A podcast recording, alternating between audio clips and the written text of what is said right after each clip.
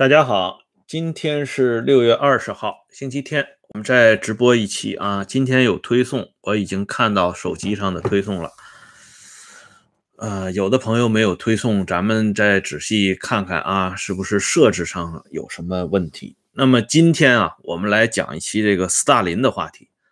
斯大林最后的两个女人啊，这是一个很有意思的话题。就是说，这么一个啊叱咤风云的叱咤风云的这么一个大人物，到了他人生最后的关头，真正的啊忠心耿耿啊为他效死力、效忠到底的，只剩下两个女人了。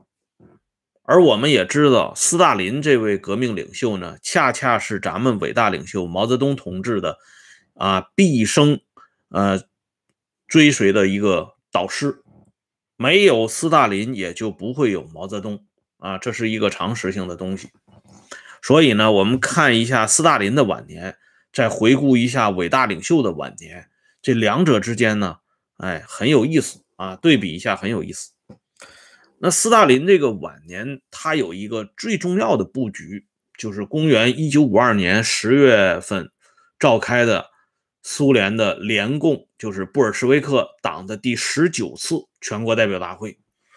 这第十九次全国代表大会啊，上距第十八次全国代表大会啊，中间经历了十多年的这个时间，这个可以理解，因为中间呢，它发生了第二次。世界大战啊，苏联的卫国战争让这个党的代表大会呢被无限期的给拖延下来了。那么到了一九五二年，斯大林发现啊，方方面面呢都已经开始走向正轨了，那么就需要来一次比较大的布局啊，来对他晚年的这个政治结构呢进一步的夯实。所以这第十九次全国代表大会就出笼了。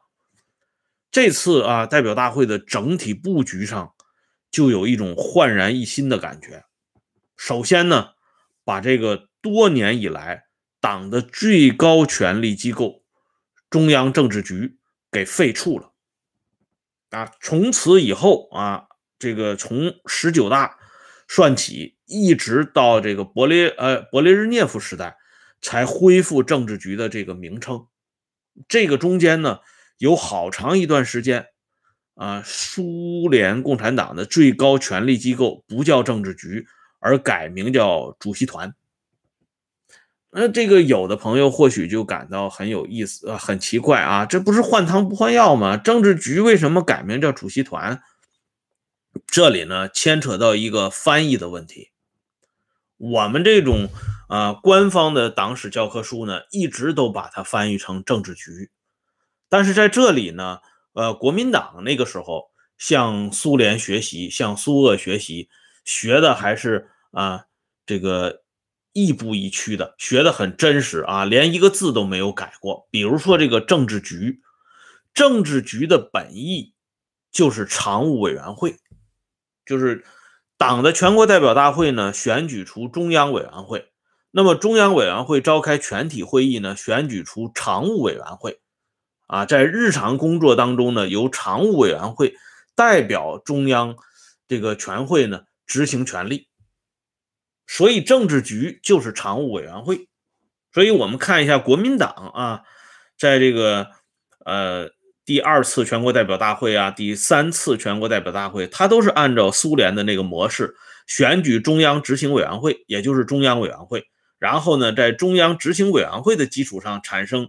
中央执行委员会常务委员，哎，但是呢，这个咱们这个呃自己的这个党呢，呃，跟这个苏联学习呢，他就取长补短，他把政治局呢拿了过来，还叫政治局，而不叫常务委员会。可是呢，在这个政治局里边呢，他又产生了一个常务委员会，就所谓的常委会中的常委会，啊。这一点呢是损益呃苏联的这个呃政治得失拿过来的。那么一旦把这个政治局所谓的常务委员会废除了之后呢，斯大林的手脚呢就放开了。为什么呢？因为刚才我说过啊，常务委员会常务委员，这大家听着就别扭。但是呢，主席团常务委员，这听着就顺口了。哎，斯大林这么一变动，表面上看只是改了个名称，实际上是把自己手中的权权力再一次的给放大了。啊，就权力比以前更大了。原来呢，苏共的中央政治局它是有明确规定的。一般呢是九到十一名正式成员，两名固定的候补成员，啊，他的常委班子就由这十一个到十三个人组成。中央秘书处啊，我们翻译成中央书记处，它通常呢是由四到六人组成。哎，这个老规矩呢是这么定的。可是到了十九大的时候，斯大林就给改了。斯大林说这个。主席团了啊！我们现在不是政治局了，所以主席团要增添新生力量。这主席团一口气儿啊，搞出来二十五个正式委员，十一名候补委员。这一下子由三十多人组成这个庞大的主席团。那么中央书记处呢，也由原来的四个人一下子扩大到啊九到十一人。而且这个主席团呢，在确立了由这三十六个人组成之后呢，斯大林自己啊没有跟任何人打招呼，在中央全会上突然从自己兜里掏出一个纸条，啊，念了九个人的名单，包括他自己在内啊，这九个人，斯大林呢，马林科夫啊，贝利亚、赫鲁晓夫啊，还有这布尔加宁、比尔乌辛、萨布罗夫。啊，等等，就这九个人，他说这九个人组成中央主席团常务委员会，就说主席团这么多人，你不能都都出来这个七嘴八舌的说话呀。我们还有主事儿的这九个人，这件事情啊，让这个晚年的赫鲁晓夫，赫鲁晓夫在回忆录里边还专门提到这件事情，赫鲁晓夫就觉得特别的奇怪，因为什么呢？因为赫鲁晓夫呢，在第十九次全国代表大会上呢，属于已经头角峥嵘了啊。这第十九次全国代表大会呢，马林科夫排第一，替斯大林做这个政治报告，这是第二号人物。赫鲁晓夫呢，做修改党章的报告啊。比尔乌辛呢，做了一个五年计划的报告，这个是政府系列的啊，这个另当别论。那么就是说，赫鲁晓夫这个权力的。和地位呢，已经得到了进一步的提升与巩固。而赫鲁晓夫自己说啊，在这个新版的党章里边，中央领导机构设立里边，只说把政治局改成主席团，没说在主席团内部还成立一个常务委员会，就更不要说有这个九人名单了。但是斯大林呢，人家就非常坚毅的掏出了这小小纸条，念了一遍。念的时候啊，这个现场呢。有人注意到一点，就是这些人都低着脑袋，不敢抬头啊。在主席团成员当中，这些人都低着脑袋，谁也不敢抬头，不敢看斯大林。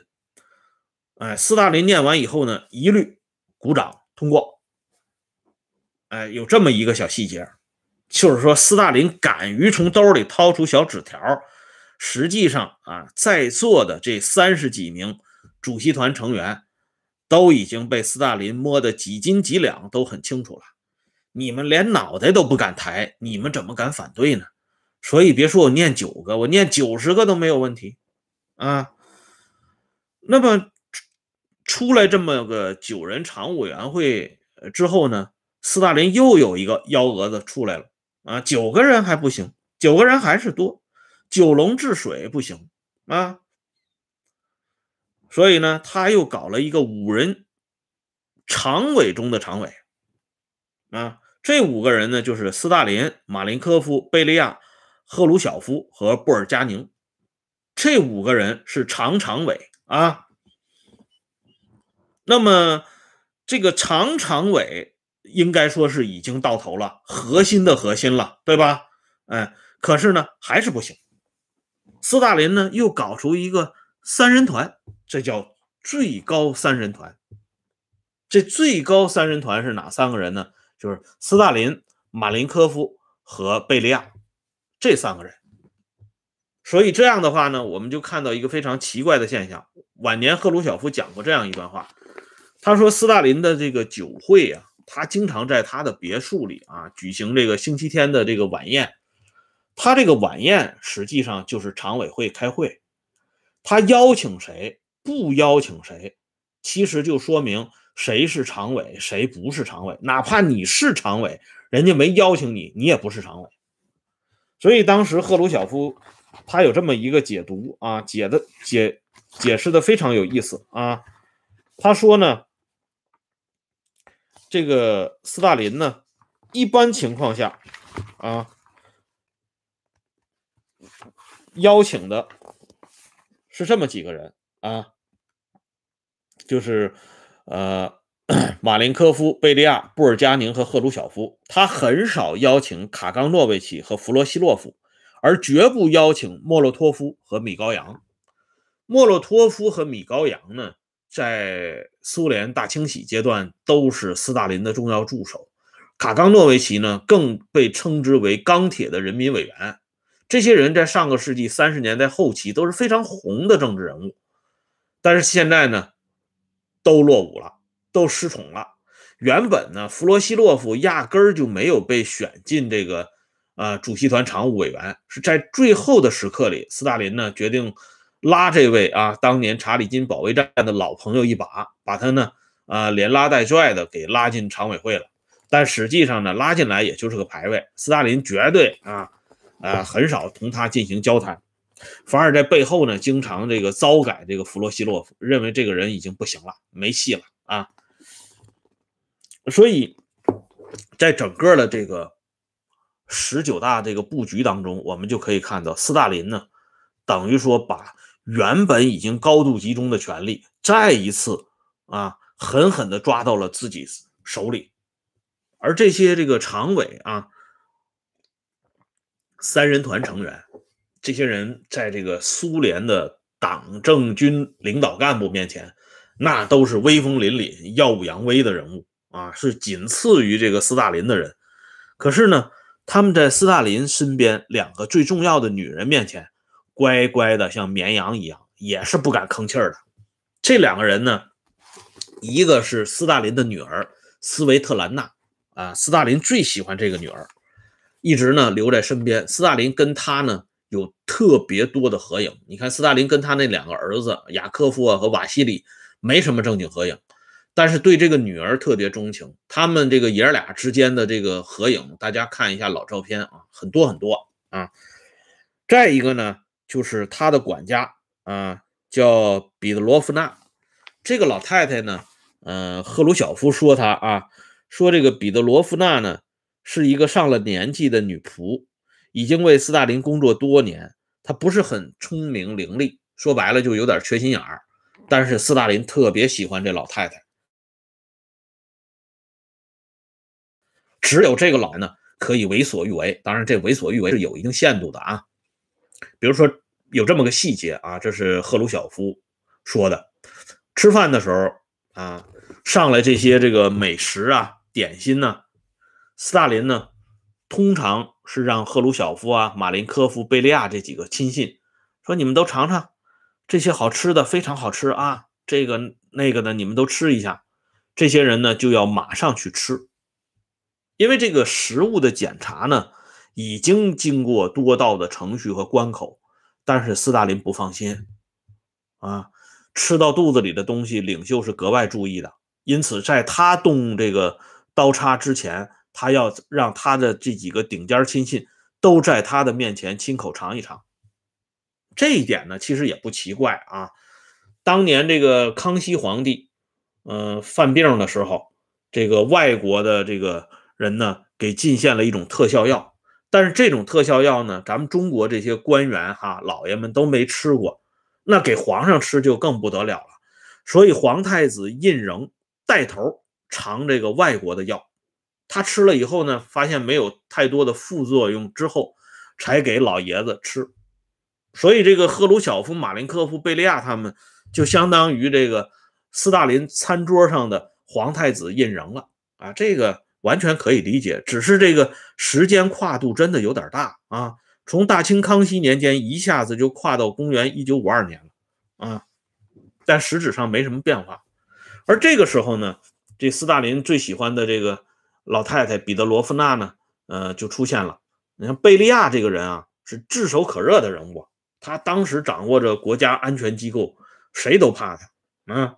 可是呢，彼得罗夫娜老太太不怕他，嗯，给这个贝利亚端上来他喜欢吃的东西，然后往他面前一放，说：“拉夫连基，啊，巴夫洛维奇同志啊，这是贝利亚前面的两个名字啊，说。”你的草料到了啊，这相当于喂马一样嘛。大家呢哄堂大笑，贝利亚自己呢也呵呵笑啊，不仅笑呢，还赶紧吃啊。这就说呀，老太太在斯大林面前，在斯大林的亲信面前，这个地位绝对可以啊。那么接下来呢，咱们就发现了一个问题了。到了三月一号这天晚上，出事了。啊，斯大林呢没有像惯例那样召唤啊，在半夜十一点，他有一个习惯，他打铃让这个警卫人员进去，他有吩咐。而这个星期天呢，这个三月一号，据赫鲁晓夫回忆是星期天啊，我也没有去考证，大家呢可以去看一下啊。三月一号星期天晚上，赫鲁晓夫照例他不吃晚餐。因为这一天晚上呢，斯大林都是要把他们这些亲信呢啊找到这个别墅里大吃大喝啊，喝的是酩酊大醉，所以这个赫鲁晓夫呢要留着肚子啊，到这个斯大林同志面前再表演。他没吃饭，但是等了很久啊，斯大林那边也没有招呼，这赫鲁晓夫就实在是饿得受不了了，自己呢点吧点吧。就在这个时候，马林科夫给他打电话了，说你知道吗？出事儿了，嗯，那赫鲁晓夫说出什么事儿了？说这个这个政治保卫人员呢，啊，老大身边的这个保卫人员给我打电话了，说老大到现在啊没打铃叫人，这肯定出问题了。但是他们谁也不敢进去，因为有严格的规定，没有斯大林的召唤，任何一个人不准进入斯大林的卧室，否则那就是。啊，肯定是反党反社会主义了，那就不用说了啊。所以这个马林科夫说，这种情况从来没发现过呀。这个二月份老大就身体就已经有点不灵了，咱们是不是应该看看？这赫鲁晓夫啊，挺有心眼儿。赫鲁晓夫说，咱们俩不能去单独去啊，多叫两个人，就把贝利亚和布尔加宁叫上了。这不就是这个？五五常委的班子就都全了，除了斯大林以外，这四个人就都都到位了。然后呢，他们就进去到斯大林的别墅里边呢，他们也不敢进到斯大林的卧室里，因为有规矩啊。啊，斯大林同志没摇铃啊，他们呢就只好跟这个保卫人员交谈。这保卫人员说：“我们呢壮起了胆子，我们这个酒壮怂人胆，我们终于。”进到斯大林同志的那个卧室了，发现呢，斯大林同志跟以往不太一样，他平常是躺在床上，这回呢，他躺在地上了。我们没有办法就把斯大林同志呢就给放到了床上。那这个时候呢，赫鲁晓夫他们就说，既然是这样的话，咱们还是让这个彼得罗夫娜啊老太太进去看看，只有她最有资格啊。斯大林看到她也不会生气。所以老太太呢，又进去看了一下，这几个常委都不敢进去。不敢进去之后呢，他们想一想，算了，还是别打扰这个斯大林同志去世啊，不去世去了，那睡觉去了啊。然后呢，他们这几个人就分手回家了。回家以后呢，这老太太彼得罗夫娜呢，向马林科夫报告。说斯大林的睡眠呢不太正常，这马林科夫他们呢一听，这不得了啊，那还得去一次。于是呢，这四个常委又去一次。这次呢，在现场有目击证人留下这么一个回忆录，很有意思。他说呢，敢于走到斯大林身前的只有两个人，一个是贝利亚，一个是马林科夫。这个贝利亚呢胆子比较大啊，衣着整洁的就走到斯大林的床前了。而这马林科夫呢胆子特别小，他把这个皮鞋脱下来，夹到这个腋下啊，夹着两只皮鞋走到斯大林身前了。为什么呢？不敢出动静，怕皮鞋呢踩到这个地板和地毯上出了声音，惊动了斯大林，就已经到了这种程度了。这是党中央的第二号人物啊啊！而这个时候呢，出现一个非常有意思的小细节，就是他们呢一旦发现斯大林实际上已经不是睡觉了，这明显属于这个出事儿了，就赶紧召唤医生，他配有强有力的这种医疗班子啊，都进来了。而就在这个时候，贝利亚呢一改常态，他吓唬这些医生，他说：“我告诉你们啊，你们知道吗？这是斯大林同志啊啊！那医生能不知道这是斯大林同志吗？”他呢就告诉啊说你们能保证斯大林同志的生命吗？你们知不知道你们对斯大林同志的健康所负担的全部责任呢？我警告你们啊，你们要给我小心的服务。按说呀，在这种紧急关头啊，这医生本来就紧张，因为他不是给一般老百姓治病，他是给这最顶尖的人物治病，治好了治坏了，他们恐怕都有麻烦。啊！可是这个时候呢，贝利亚居然吓唬这些人，而且这件事情呢，贝利亚的儿子晚年给他老爹翻案的那本书里边，《我的父亲贝利亚》里边呢，啊，没有谈这个事儿，回避了。所以这件事情呢，显得非常的啊神奇。那么最后有一段故事呢，就更有意思了，就是斯大林身边的更重要的一个女人，就是他的女儿斯维特兰娜。他在给朋友的二十封信当中呢，专门提到他老爹斯大林最终啊那个弥留状态时候的那个痛苦的样子。他说，实际上斯大林呢，在最后的时候，他是活活给憋死的！最后那两个多小时啊，他根本喘不出气儿了，他是给憋死的。那大家想想，斯大林是被谁给憋死的？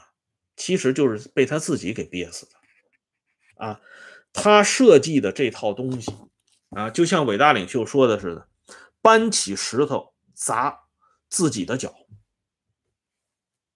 九常委还不够，还整个五常常委，然后呢，再整个最高三人团，他一方面呢是不停的掺沙子进到主席团里边，你们这样呢，你们这些新老亲信们。都不能随便的抓到权。另外一方面呢，他又高度集中自己手中的权力，他能够信赖的就这么两个女人啊。大家想想啊，连这三人团里其他这两个成员他也信不过，他经常在饭桌上骂这些人，他信的就这两个女人。哎，结果呢，到他真需要帮助的时候，这些人回家的回家。喝酒的喝酒，聊天的聊天现场目击者啊说，这个马林科夫是漫不经心的进来的，贝利亚呢是明显喝了酒进来的。嗯，就说这些人，人家该干嘛干嘛。斯大林的这个突发脑溢血呢，错过了最佳抢救时间啊。这咱们是按照正史的这个路子讲啊，因为还有一种说法，斯大林根本就是被呃搞掉的啊。这个我们不做这个呃争议啊，不不讲这段。那么斯维特兰娜呢，作为现场的主要目击者，因为她是亲生女儿啊，她对老爹的这个去世前后的观察呢是非常仔细的。她有这么一段话，包括赫鲁晓夫在回忆录里边都承认斯维特兰娜的这个回忆是准确的。他说，斯大林呢突然举起左手，这只手是后来他唯一能够动的啊。也不知是向上某个地方，还是威胁我们大家。手势虽然令人不解，但是是威胁性的啊！而且呢，斯大林最后啊，他的这种从眼睛里射出的那种目光非常凶狠啊，把屋子里站的这几个常委都狠狠地盯了一遍。斯大林同志想要表达的意思呢，他没说出来，我们也只能猜了。估计呢，老大肯定是想，你们他妈见死不救啊，见死不救，居然啊敢这么对待我，等我缓过劲儿来看我怎么收拾你们。但是呢，这个人定胜天没完成啊，倒是天夺其寿算啊，完了，死亡时间呢是一九五三年三月五号九点五十分，早呃上午九点五十分没了。所以这么一看呢，斯大林实际上是被自己啊酿就的这碗啊苦酒给活活憋死的，而一切啊愿意这个重蹈斯大林负责的这些人，恐怕都跳不出这个圈子来啊。伟大领袖也一样啊，伟大领袖晚年这些老同志、老革命们，嗯，他们在回忆的时候，在上个世纪九十年代吧，啊。回忆呃毛泽东的时候都说，毛晚年最后最亲信的两个人，一个江青，一个就是我们要讲的张玉凤，就这两个女人，哎，包括实际上包括汪主任跟这个老大呢，都已经开始离心离德了。所以大家回过头来再看这个指挥千军万马啊，扫平天下的这个一代枭雄，他这个结局是多么的凄凉，就两个女的。给他送终了，但是没有办法，这一步一步都是他自己走到的，别人救不了的啊。好了，今天呢，咱们这个话题就说到这里，感谢朋友们上来收看和支持啊，欢迎大家关注温相说时政会员频道，周一到周五每天都有更新，再见。